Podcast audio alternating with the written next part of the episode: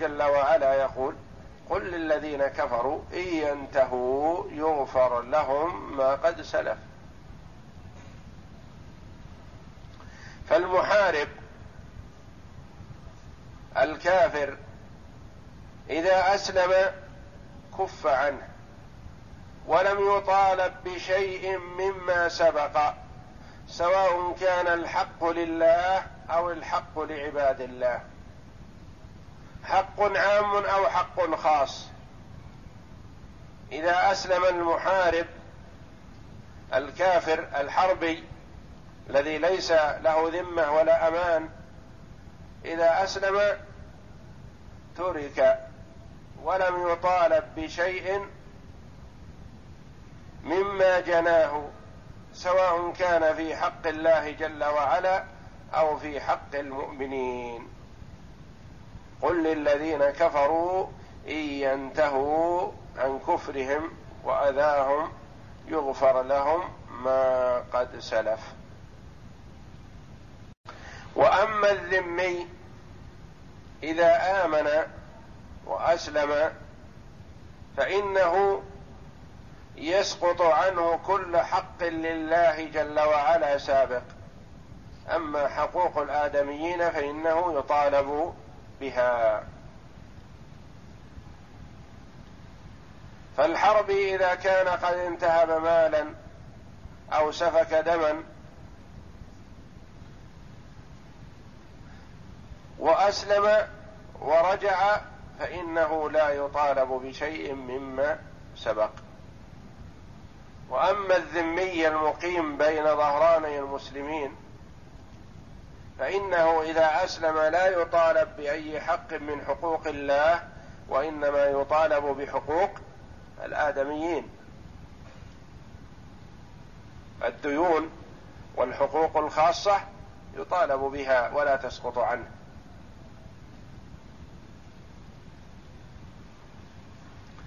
وإن يعودوا فقد مضت سنة الأولين.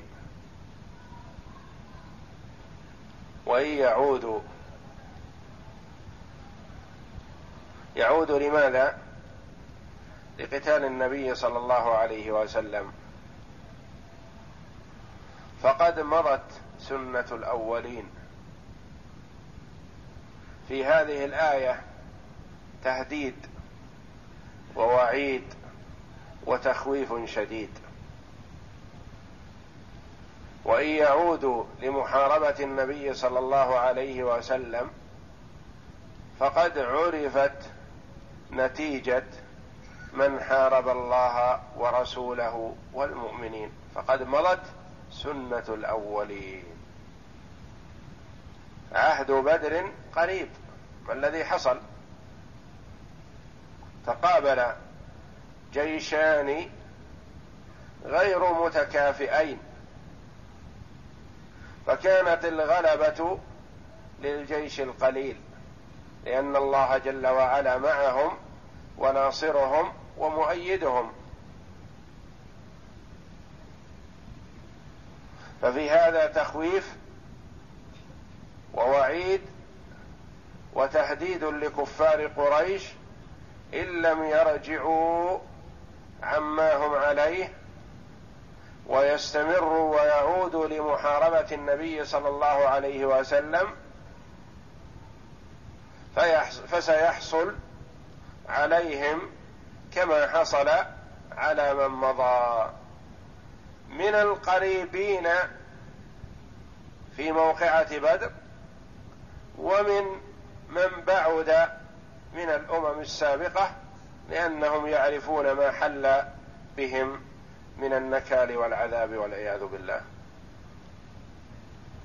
وإن يعودوا لماذا؟ لكفرهم هم في الكفر متلبسون به. وإنما وإن يعودوا لمحاربة النبي صلى الله عليه وسلم وقتاله فقد مضت سنة الأولين. سيغلبون ويهزمون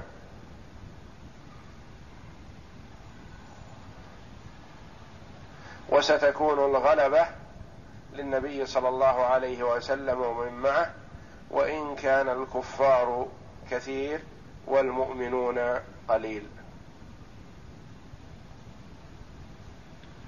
ثم قال جل وعلا وقاتلوهم حتى لا تكون فتنة. أمر بقتال الكفار حتى لا تكون فتنة. ما المراد بالفتنة هنا؟ الشرك. حتى لا تكون فتنة لا يكون شرك. ويكون الدين كله لله. لا يفتن المرء عن دينه. من الذي يفتن المرء عن دينه؟ الكفار والمشركون. قاتلوهم حتى لا يوجد شرك ومشرك. ويكون الدين كله لله. أمر بقتال الكفار عامة. إلا من استثنى الله جل وعلا في الآيات في آيات كثيرة بالنسبة لأهل الذمة ومن رضي بدفع الجزية. وهذه الآيات والله أعلم في كفار قريش. أمر للنبي صلى الله عليه وسلم بأن يقاتلهم. حتى لا يوجد شرك وتكون مكة دار إسلام وإيمان.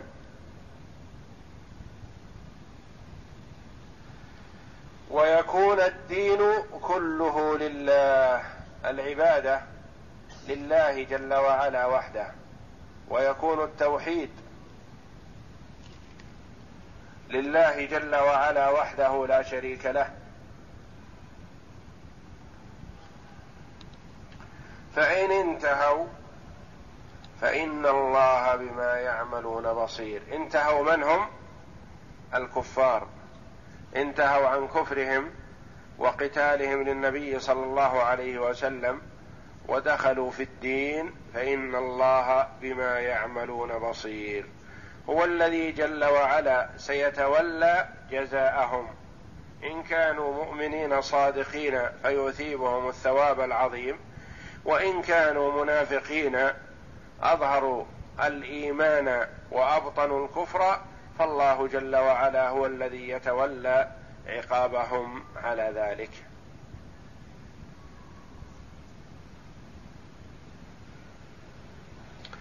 وفي هذا دليل على أنه لا يجوز قتال من أظهر الإيمان وإن أبطن الكفر من حيث لا نشعر.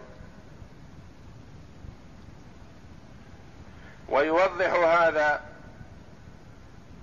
ما ثبت عن النبي صلى الله عليه وسلم من قوله لأسامة بن زيد رضي الله عنه أقتلته بعدما قال لا إله إلا الله. قال يا رسول الله إنه قالها فرقا من السيف. قال وهل شققت عن قلبه؟ وأخذ يكرر على أسامة رضي الله عنه ماذا تفعل بلا إله إلا الله إذا جاءتك يوم القيامة؟ أقتلته بعدما قال لا إله إلا الله؟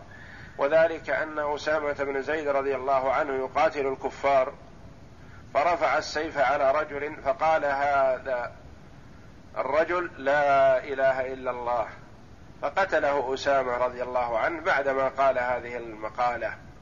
فأخبر النبي صلى الله عليه وسلم فلام على أسامة رضي الله عنه وكرر عليه اللوم أقتلته بعدما قال لا إله إلا الله قال إنه قالها فرقا من السيف يعني خوفا من القتل ما قالها عن إيمان قال وهل شققت عن قلبه. هل تدري؟ وأخذ يكرر عليه عليه الصلاة والسلام لأسامة حتى قال أسامة رضي الله عنه تمنيت أني أسلمت الآن. يعني سلمت من قتل ذلك الرجل وأسلمت الآن ما حصل مني شيء.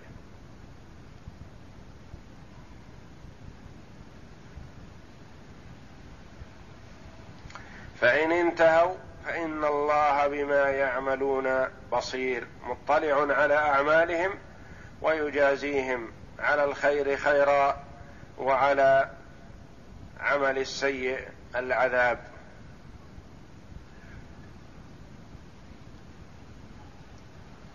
ويقول عليه الصلاة والسلام أمرت أن أقاتل الناس حتى يشهدوا أن لا إله إلا الله وأن محمدا رسول الله فإذا قالوها عصموا مني دماءهم وأموالهم إلا بحقها وحسابهم على الله. لأنه قد يقولها منافق. يظهر الإيمان ويبطن الكفر فيعصم دمه وماله في الدنيا وفي الآخرة حسابه على الله. الله جل وعلا يتولى ذلك. ومن المعلوم من أصول أهل السنة والجماعة أن المنافقين أحكامهم في الدنيا أحكام المسلمين يعاملون معاملة المسلمين لأننا لا ندري عن نفاقهم إلا إذا ظهر لنا بينا واضحا أخذناهم به. لكن إذا لم يظهر مجرد اتهام فنعاملهم معاملة المسلمين ونكل أمر بواطنهم إلى الله جل وعلا. وأما في الآخرة فأحكامهم أحكام من؟ أحكام الكفار.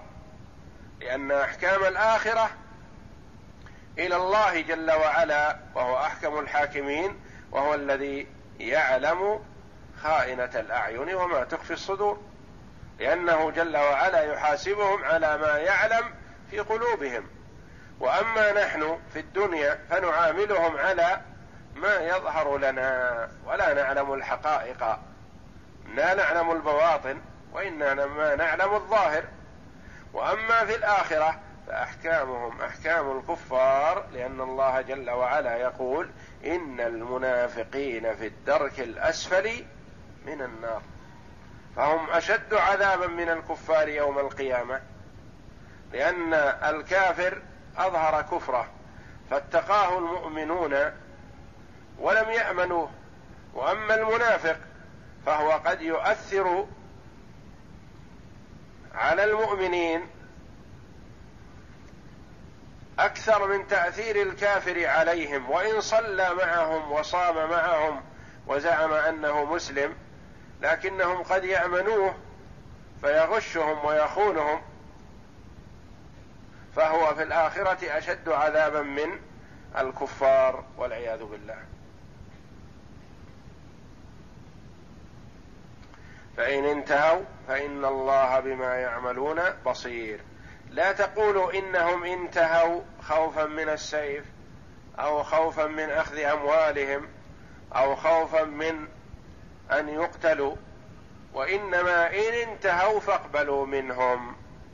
والله جل وعلا هو المطلع على حقائق نياتهم وضمائرهم. وإن تولوا أعرضوا. ولم يقبلوا ولم يرجعوا عن غيهم فاعلموا أن الله مولاكم. الله جل وعلا ناصركم عليهم. فاستعينوا بالله والله جل وعلا يعينكم عليهم. فاعلموا أن الله مولاكم. نعم المولى. ربنا جل وعلا ونعم النصير. لأن من كان الله معه فهو الغالب لا محالة ومن تخلى الله عنه فهو مغلوب.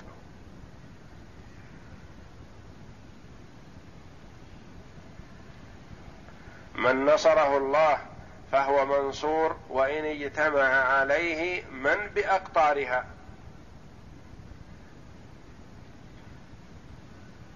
فقد اجتمعت العالم لحرب محمد صلى الله عليه وسلم وصحبه في المدينة حينما تحزبت الأحزاب فنصرهم الله جل وعلا على أعدائهم.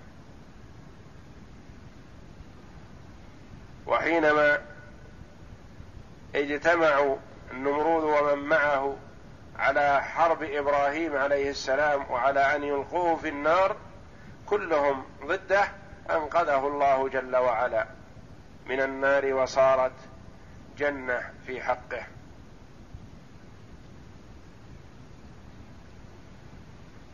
وإن تولوا فاعلموا أن الله مولاكم. هو إلهكم وربكم وهو ناصركم. ولن يخذلكم فنعم المولى ربنا.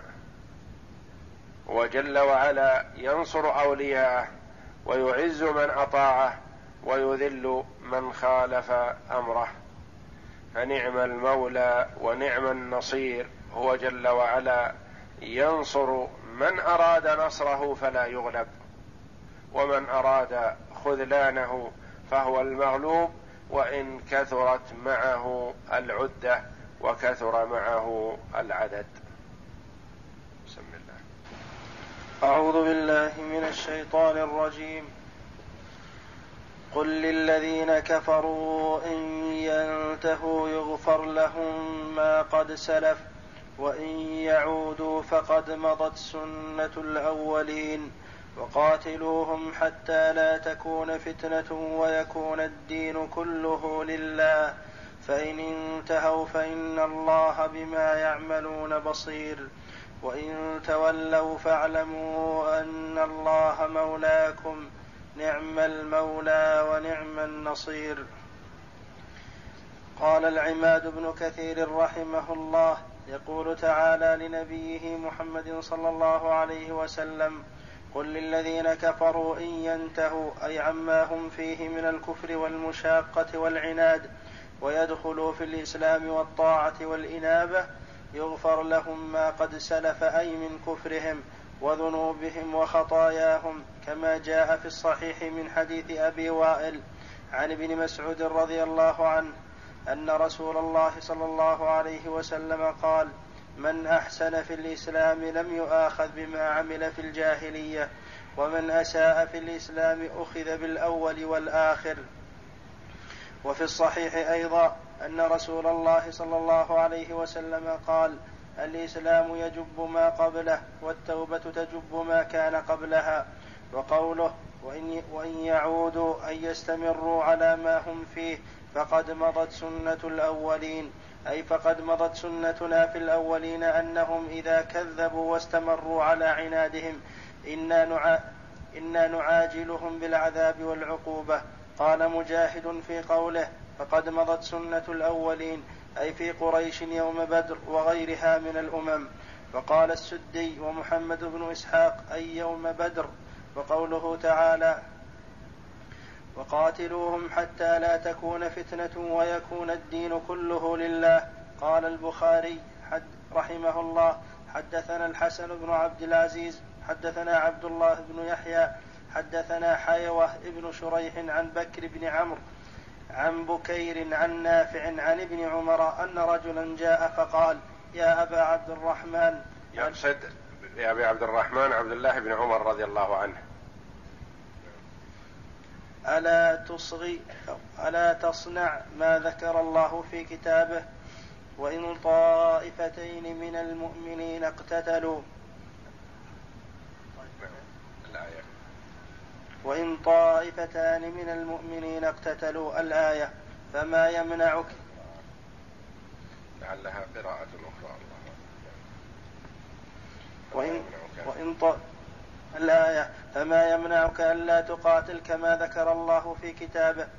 فقال يا ابن أخي أعير بهذه, بهذه, بهذه الآية ولا أقاتل أحب إلي من أن أعير بقول بالآية التي يقول الله عز وجل ومن يقتل مؤمنا متعمدا إلى آخر الآية. هذا الرجل يريد من عبد الله بن عمر رضي الله عنه أن يخرج للقتال حينما حصلت الفتنة بين المسلمين. في أواخر عهد عثمان وعهد علي رضي الله عن الجميع فيريد منه أن يخرج للقتال فقال له عبد الله بن عمر رضي الله عنه أعير بهذه الآية أني لا أقاتل مع الطائفتين أحب إلي من أن أعير بالآية الأخرى التي يقول الله جل وعلا فيها ومن يقتل مؤمنا متعمدا فجزاؤه جهنم خالدا فيها وغضب الله عليه ولعنه قال فإن الله تعالى يقول وقاتلوهم حتى لا تكون فتنة. قال ابن عمر قد فعلنا على عهد رسول الله صلى الله عليه وسلم إذ كان الإسلام قليلا وكان الرجل يفتن يفتن في دينه إما أن يقتلوه وإما أن يوثقوه. حتى كثر الإسلام فلم تكن فتنة. فلما رأى أنه لا يوافقه فيما يريد قال فما قولكم في علي وعثمان؟ قال ابن عمر أما قولي في علي وعثمان أما عثمان فكان الله قد عفى عنه وكرهتم أن يعفو الله عنه. وأما علي فابن عم رسول الله صلى الله عليه وسلم وختنه وأشار ختنه زوج ابنته. نعم. وختنه وأشار بيده وهذه ابنته أو بنته حيث ترون. وحدثنا أحمد بن يونس. هذا الرجل من عبد من يريد من عبد الله بن عمر أن يخرج للقتال في الفتنة. فبين له ابن عمر رضي الله عنه أن المراد بالقتال حتى لا تكون فتنة لا يكون شرك. قال نحن قاتلنا على عهد رسول الله صلى الله عليه وسلم حتى انتهى الشرك. وأما أنت وأصحابك الآن تريدون أن نقاتل حتى تكون فتنة. حتى تكون الفتنة مو حتى الا تكون حتى تكون الفتنة. فعبد الله بن عمر رضي الله عنه يبين معنى الآية في قوله جل وعلا وقاتلوهم حتى لا تكون فتنة قال هذا حينما كان الإسلام قليل وكان الرجل يفتن في دينه إما أن يكفر وإما أن يقتلوه أو يوثقوه أو يعذبوه. فقاتلنا حين ذاك مع النبي صلى الله عليه وسلم حتى لم تكن فتنة. وأما أنت وأصحابك الآن فأنت تريد منا أن نقاتل حتى توجد الفتنة حتى تقوم الفتنة. نعم. حدثنا أحمد بن يونس حدثنا زهير حدثنا بيان أن ابن وبرة حدثه قال حدثني سعيد بن جبير قال خرج علينا أو إلينا ابن عمر رضي الله عنهما فقال فقال كيف ترى في قتال الفتنة فقال وهل تدري ما الفتنة؟ كان محمد صلى الله عليه وسلم يقاتل المشركين وكان الدخول عليهم فتنة وليس بقتالكم على الملك. يقول إن قتالكم اليوم ليس للإسلام وإنما قتال على الملك والولاية. هذا كله سياق البخاري رحمه الله تعالى. وقال عبيد الله عن, نافع عن ابن عمر أنه أتاه رجلان في فتنة ابن الزبير فقال إن الناس قد صنعوا ما ترى وأنت ابن عمر ابن الخطاب وأنت صاحب رسول الله صلى الله عليه وسلم فما يمنعك أن تخرج؟ قال يمنعني أن الله حرم علي دم, دم أخي المسلم. قالوا أولم يقل الله وقاتلوهم حتى لا تكون فتنة ويكون الدين كله لله. قال قد قاتلنا حتى لم تكن فتنة وكان الدين كله لله. وأنتم تريدون أن تقاتلوا حتى تكون فتنة ويكون الدين لغير الله. وكذا روى حماد بن سلمة عن علي بن زيد عن أيوب عن عن أيوب بن عبد الله اللخمي قال كنت عند عبد الله بن عمر رضي الله عنهما فأتاه رجل فقال إن الله يقول وقاتلوهم حتى لا تكون فتنة ويكون الدين كله لله. قال قد قاتلنا حتى لم تكن فتنة وأنتم تريدون أن تقاتلوا حتى تكون فتنة ويكون الدين لغير الله. وكذا رواه عماد بن سلمة فقال ابن عمر قاتلت أنا وأصحابي حتى كان الدين كله لله وذهب الشرك ولم تكن فتنة ولكنك وأصحابك تقاتلون حتى تكون فتنة ويكون الدين لغير الله. رواهما ابن مردويه. وقال أبو عوانة عن الأعمش عن إبراهيم التيمي عن أبيه قال قال ذو قال ذو البطين يعني قال ذو البطين يعني أسامة بن زيد لا أقاتل رجلا يقول لا إله إلا الله أبدا. فقال سعد بن مالك وأنا والله لا أقاتل رجلا يقول لا إله إلا الله أبدا. فقال رجل ألم يقل الله وقاتلوهم حتى لا تكون فتنة ويكون الدين كله لله. فقال قد قاتلنا حتى لم تكن فتنة وكان الدين كله لله. رواه ابن مردويه وقال الضحاك عن ابن عباس وقاتلوهم حتى لا تكون فتنة يعني لا يكون شرك. وكذا قال أبو العالية ومجاهد والحسن وقتادة والربيع بن أنس والسدي والربيع. بن أنس والسدي ومقاتل بن حيان وزيد بن أسلم. وقال محمد بن إسحاق بلغني عن الزهري عن عروة بن الزبير وغيره من علمائنا حتى لا تكون فتنة حتى لا يفتن لا يفتن مسلم عن دينه. وقوله ويكون الدين كله لله قال الضحاك عن ابن عباس في هذه الآية قال يخل قال يخلص التوحيد يخلص التوحيد لله. وقال الحسن وقتادة وابن جريج ويكون الدين كله لله أن يقال لا إله إلا الله. وقال محمد بن إسحاق ويكون التوحيد خالصا لله ليس فيه شرك. ويخلع ما دونه من الأنداد. وقال عبد الرحمن بن زيد بن أسلم ويكون الدين كله لله لا يكون مع دينكم كفر. ويشهد لهذا ما ثبت في الصحيحين عن رسول الله صلى الله عليه وسلم أنه قال أمرت أن أقاتل الناس حتى حتى يقولوا لا إله إلا الله فإذا قالوها عصموا مني دماءهم وأموالهم إلا بحقها وحسابهم على الله عز وجل.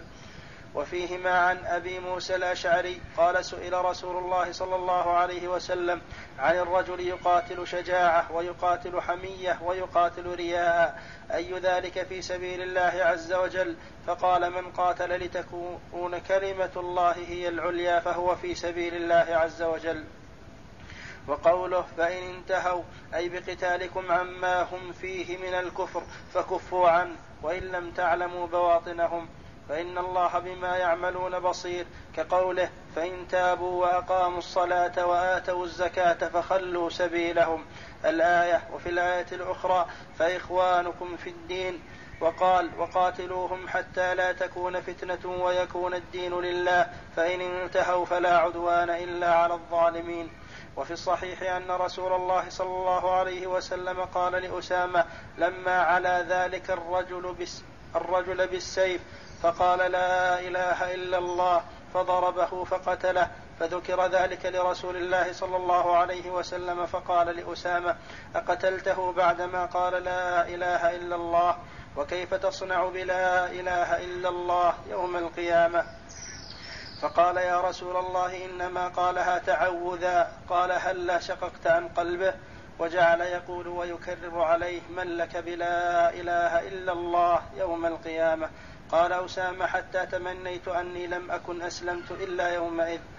وقوله وإن تولوا فاعلموا أن الله مولاكم نعم المولى ونعم النصير. أي وإن استمروا على خلافكم ومحاربتكم فاعلموا أن الله مولاكم سيدكم وناصركم على أعدائكم فنعم المولى ونعم النصير.